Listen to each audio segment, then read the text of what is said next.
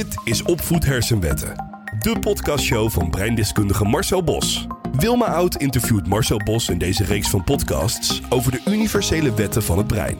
Het gebruiken van de hersenwetten zorgt voor gelukkige en evenwichtige kinderen en hun opvoeders.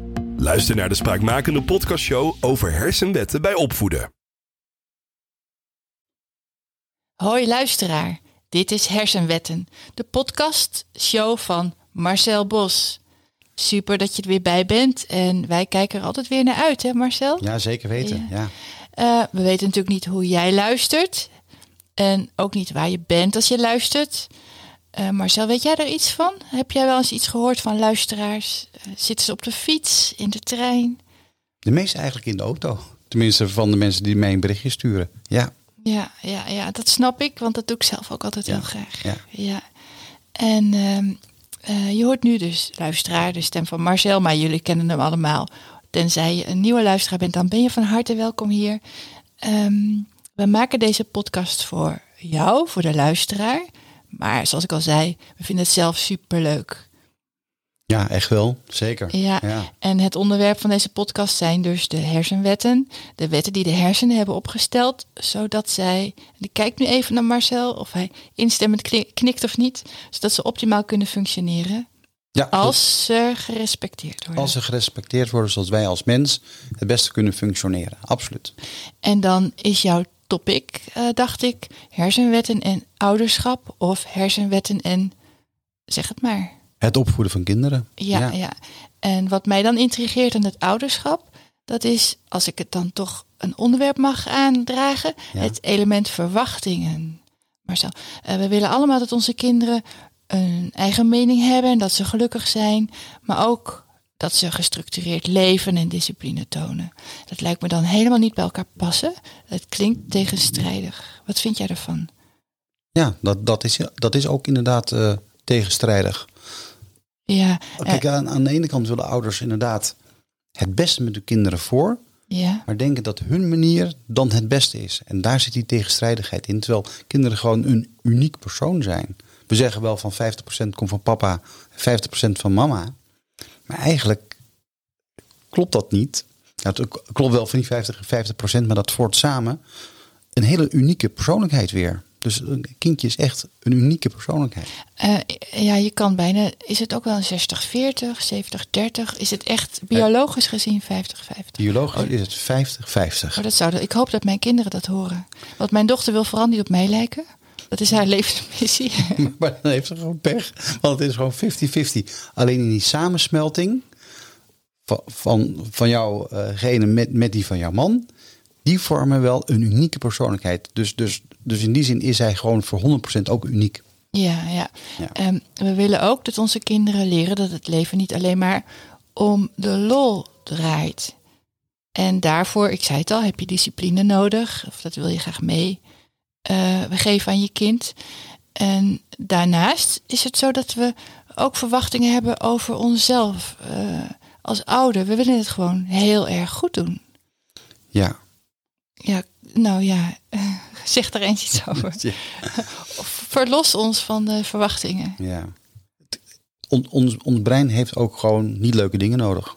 Om gelukkig te kunnen zijn. Mhm. Dus het idee dat je als ouder moet proberen om je kinderen een onbezorgde jeugd te geven.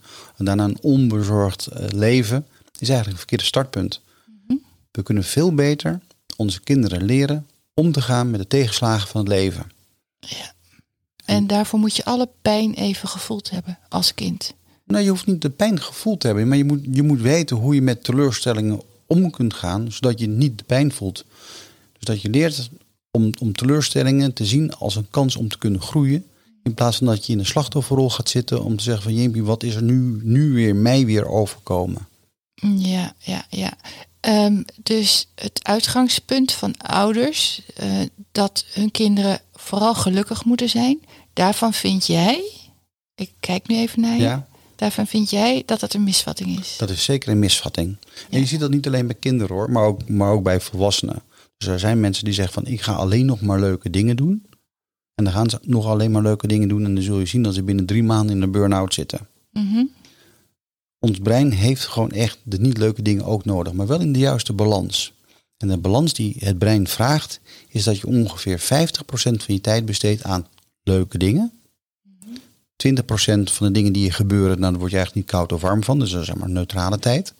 En dat we maximaal 30% van de tijd gewoon niet leuke dingen hebben. Ja. En dat heeft het brein dus nodig om de 50% leuke dingen leuk te blijven vinden. Dus als je alleen maar leuke dingen doet, ehm, dan maakt je brein niet meer de dopamine aan om de leuke dingen leuk te vinden. ja, dan wordt het normaal. Dan wordt het normaal, precies. Ja, En dat is natuurlijk het gevaar als je tegenwoordig kijkt naar social media. De Facebook-levens die mensen leiden, dan zie je alleen maar leuke dingen. En daar zit dus dat geheim niet in.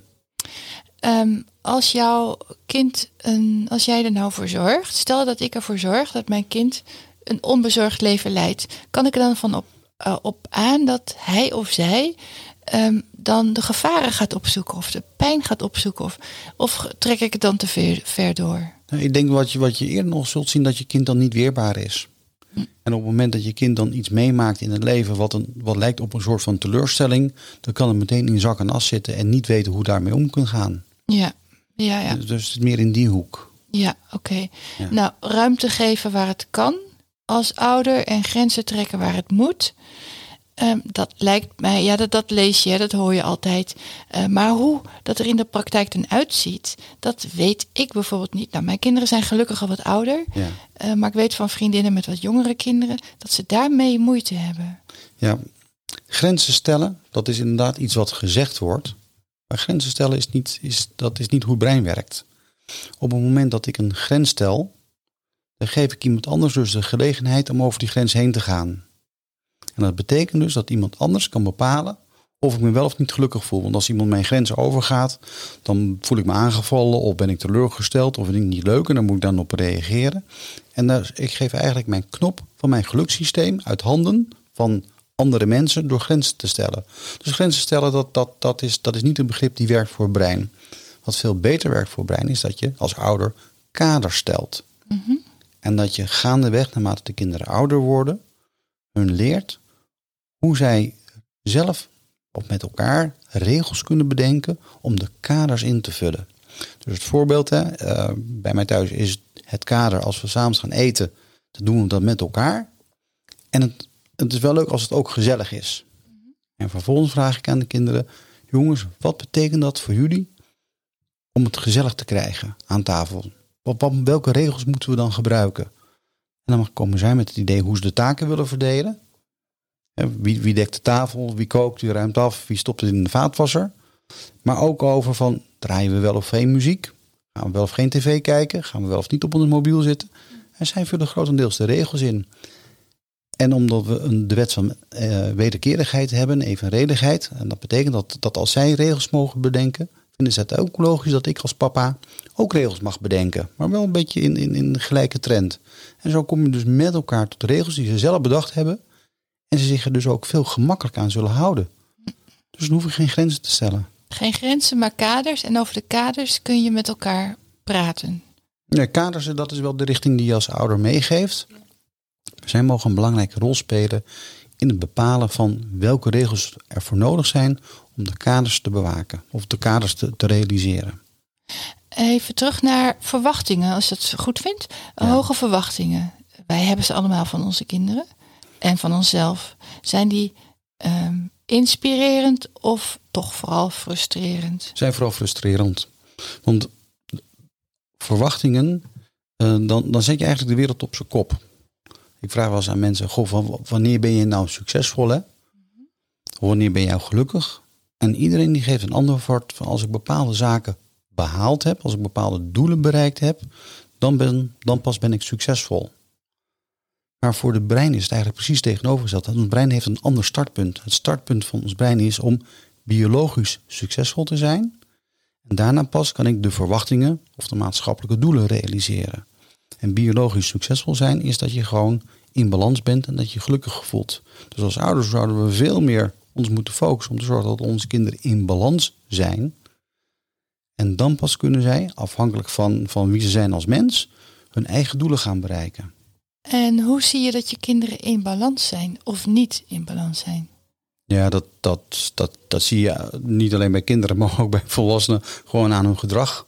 Ja, Ja, Slapen ze goed? Eten ze goed? Zijn ze vaak verdrietig? Zijn ze vaak boos? Teleurgesteld? Hebben ze woede aanvallen? Of niet. Of niet? En Ja. als ze dat niet hebben, dan zijn ze veel meer in balans. Wel, dan zijn ze niet in balans. Dus be- bewaak de balans. Help ze om ehm, uit te leggen dat in balans zijn, om je gelukkig te voelen, dat dat het startpunt is. En, en, en dat je daarna pas eigenlijk je leven kunt gaan leiden. Maar het klinkt zo esoterisch. Eh, eh, dat je, je zegt tegen je kind, eh, lieverd, het gaat erom dat je in balans bent. Nee, maar je, je, je, je, je, je zegt het wel heel erg plastisch. Kinderen, maar ook volwassenen, doen niet wat je zegt, maar doen wat je doet. Oké, Dus, dus, dus als jij als ouder, als mama en als papa, die in, zeg maar, in, in de piramide van belangrijkheid in de top zit van, van, van de kinderen, als jij in balans bent, als jij je prettig voelt, dan is dat het gedrag wat de kinderen kopieert. Als jij een teleurstelling meemaakt in je leven, maar je weet dat zo'n wending te geven dat het in jouw voordeel kan werken, als er meningsverschil is en je kunt daar met elkaar over praten in plaats van ruzie te maken en in je eigen gelijk te gaan staan, daarmee geef je het goede voorbeeld van hoe je gedraagt als je in balans bent. dus leven doe je dan toch voor. Je doet het leven absoluut voor, zonder Ja. meer, zonder meer. En de ouders die eh, eh, altijd in de stress en de haast. Ik oordeel, veroordeel niet, maar ik, ja, het komt voor. Snel, snel. ehm, eh, papa is vanavond niet bij het eten, mama morgenavond niet. Mama zit hier, papa zit daar. Ja. Zonder oordeel, Marcel. Zonder oordeel. Als we gewoon kijken naar de ontwikkeling van een kinderbrein. Mhm. Kinderbreintje wordt geboren met hersencelletjes. Maar die hersencelletjes moeten wel tot ontplooiing komen om goed te kunnen, kunnen functioneren. En wanneer komen kinderbreintjes nou tot de perfecte ontplooiing? Door warme, persoonlijke aandacht van de ouders. Mhm. Oké, nou. Zo, zo, zo, zo simpel is het. Ja. ja, Maar ja. ik, s- ik snap natuurlijk wel de strijd. Een onmogelijke taak die veel ouders hebben. Want ze hebben ook een verantwoordelijkheid als het gaat over dat ze de hypotheek moeten betalen. Dat ze de kinderen een, een dak boven het hoofd willen geven. Schone kleertjes, genoeg eten. En ook de, de kansen, de school betalen, de schoolreizen betalen. Dus- Alimentatie. of in ieder geval dat ze gescheiden zijn, de alimentatie. Ja, ook dat, Dus, dus ja. ouders hebben niet altijd de keuze om voldoende tijd te geven aan de kinderen die ze willen. Maar dan is er natuurlijk een andere gedachte. En die strookt niet helemaal met hoe we dat hier in de westerse cultuur doen. Maar dat zie je wel bij andere culturen. Is dat opa en oma daarin een hele belangrijke rol kunnen spelen. Mhm. Want opa en oma hebben al die zorgen van ik moet mijn hypotheek betalen en genoeg eten. Zo, die, die hebben die strijd al achter de rug. Ja. Dat hebben ze al gelopen. En in die piramide van belangrijkheid, hè, papa en mama staan op één. En vlak daarna gevolgd door opa en oma. En die kunnen diezelfde liefde en oprechte warme aandacht geven aan de kinderen. Waardoor dat kinderbrein optimaal tot ontplooiing komen. Opa en oma. Opa en oma, Ja. ja, inderdaad. Bewaar ze. Nou ja, bewaar ze, eh, gebruik ze. Ehm, probeer de, de strijd die jij voelde met je vader en moeder toen, je, toen, toen wij een kleine jongetje en meisje waren, om te draaien dat, dat, dat wat zij gedaan hebben, dat ze dat met de beste intenties gedaan hebben, met de beste liefde. Maar dat, maar dat ze ook hun reis hadden om te leren hoe ze dat het beste kunnen doen. En het is niet alleen maar goed voor de kinderen die je hebt, dat opa en oma daar een belangrijke rol in spelen, maar ook bij opa en oma. En bij jezelf. Nou, dat, ik leg, leg eerst nog even uit waarom het een belangrijke rol is bij opa en oma. Ons brein en met name onze intelligentie is wel een stukje van ons brein die echt in beweging moet blijven. Die moet continu uitgedaagd worden. Op het moment dat je letterlijk achter de geraniums gaat zitten, dan verschrompelt je brein en dan ben je vatbaar voor heel veel breinziektes. Dus juist door opa en oma een actieve rol te geven bij de kleinkinderen, heb je een veel grotere kans dat ze langer gezond blijven. Ja, ehm, ik heb eh, gehoord, gelezen, ik weet niet of vriendinnen van mij, die zitten wat meer in de spirituele hoek en die zeggen, je moet als vrouw vooral, maar misschien als man ook hoor, iets, iets hebben om elke dag voor uit bed te gaan. En al is het maar, zoals mijn vriendin zegt, de aardbeienplantjes verzorgen. Er moet iets zijn waardoor je ehm, niet gemist kan worden. Hmm. Het, er, er zijn de verschillende facetten. Je moet iets doen wat voor je brein zingeving heeft. Ik weet niet of dat aardbeidjes plukken of dat nou heel veel zingeving Nee, de aardbeienplantjes verzorgen. De aardbeienplantjes verzorgen. maar ik, ik denk dat als, als je je kleinkinderen mag verzorgen, dat dat net iets meer Ja, zingeving ja. geeft. Dan heb, dan heb je het element van passie. Je moet het wel doen, iets wat bij je past, waar je, waar je ook gelukkig van wordt. En het derde element is dat je er ook iets van moeite voor moet doen. Mm. En als je die drie componenten zorgt dat die aanwezig zijn, dan blijf je het, het langste gezond. Wil je de drie componenten nog even noemen? Ja, dat is dus zingeving, Mhm. passie en je moeite doen. Ja, Eh, Kijk, kijk, kijk maar om ons heen, naar bijvoorbeeld naar artiesten. Die hebben een talent meegekregen, ze kunnen heel goed zingen. Dus dan hoeven ze niet enorm hun best ervoor te doen. Mhm. Dus die valt af. Ja. Passie, ze vinden het wel leuk. Ehm, maar zingeving zit er vaak ook niet in. En dan zie je dat, dat, dat artiesten dus heel snel of grotere risico lopen om te ontsporen. ja. Alsof, alsof je toch de, de rauwe randen van het bestaan opzoekt.